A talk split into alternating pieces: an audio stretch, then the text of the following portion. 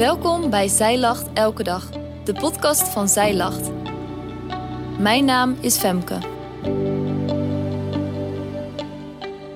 Dit is de overdenking van 4 maart, geschreven door schrijfster Joanne van de Vendel. Het leven van Hagar is een rommeltje. De vrouw die dienares was, werd een vrouw van Abraham. Zij ging gebukt onder negatieve emoties. Ze sloeg op de vlucht en kwam terecht in de woestijn. Een eenzame en gevaarlijke plek voor een vrouw alleen. Maar te midden van alle problemen en gebrokenheid ziet God Hagar. Evenzo ziet God ook jou op de plek waar jij nu bent. Hagar is de dienares, oftewel slavin van Sarai. Abraham is al jaren met Sarai getrouwd. God heeft aan Abraham beloofd dat hij een groot nageslag zou krijgen, zo talrijk als de sterren in de lucht. Maar Sarai begint na verloop van tijd te twijfelen of deze belofte van God wel waarheid zal worden, want de vervulling laat lang op zich wachten. Ze was intussen al oud geworden en daarom bedacht Sarai een plan, waar Abraham mee instemde. Sarai gaf Hagar als tweede vrouw aan Abraham, in de hoop dat zij een zoon zou baren. De relatie tussen de twee dames verandert wanneer Hagar in verwachting is. Ze begint Sarai te verachten. Ze kijkt op haar neer en haar erkent haar niet meer als meesteres. Hagar is nu ook Abrahams vrouw. Ze voelt zich verheven boven haar meesteres en dat bevalt Sarai niet. Sarai gaat hierover in gesprek met Abraham en die geeft Hagar als het ware aan haar terug, als zwangere dienares. De relatie tussen de twee dames loopt zo uit de hand dat Sarai Hagar intens vernedert in haar rol als een gewone slaaf. Zo erg dat Hagar geen andere mogelijkheid meer ziet dan weg te vluchten van wat haar huis is. Hagar is op de vlucht in de woestijn. Ik stel me zo voor dat Hagar angstig door blijft lopen. Ze wil weg. Naar haar ellendige meesteres wil ze nooit meer terug. Hagar is de wanhoop nabij, tot ze in de verte een waterbron ziet. Een plaats van hoop te midden van alle wanhoop. Ze kan haar drinkfles vullen en haar dorst lessen. En dan ineens een heel wonderlijke ontmoeting bij deze bron.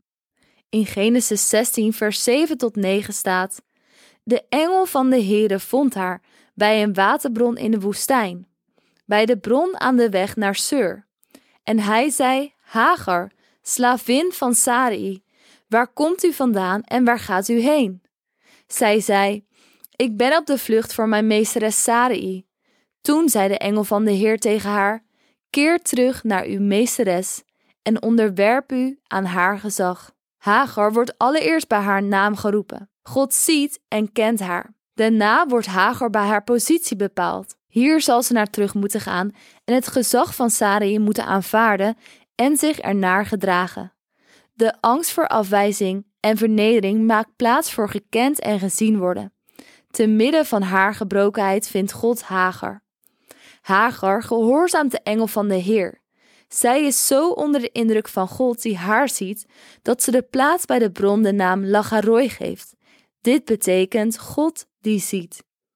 In Genesis 16 vers 13 staat, En zij gaf de Heere, die tot haar sprak, de naam, U bent de God die naar mij omziet.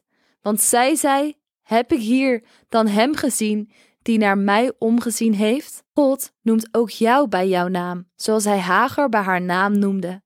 Hoe jouw omstandigheden ook zijn, of jouw leven er op dit moment ook uitziet. God ziet jou. Hij zegt je om niet bang te zijn, want Hij heeft jou verlost. Hij heeft je bij je naam geroepen. God bepaalt je bij jouw positie. Je bent van Hem. In Jesaja 43 vers 1 staat, Maar nu, zo zegt de Heer uw schepper, Jacob uw vermeerder, Israël, wees niet bevreesd, want ik heb u verlost. Ik heb u bij uw naam geroepen. U bent van mij.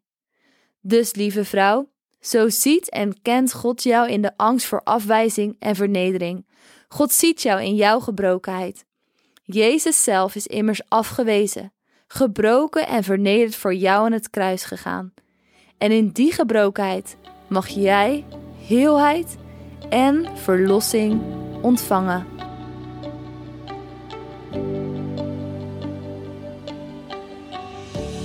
Dankjewel dat jij hebt geluisterd naar de overdenking van vandaag. Wil je de overdenking nalezen? Check dan onze website. Je vindt er ook meer toffe dingen die jou helpen om de Bijbel vaker te openen, zoals boeken, Bijbels, cursussen en evenementen. Morgen ben ik weer bij je terug met een nieuwe overdenking. Tot dan!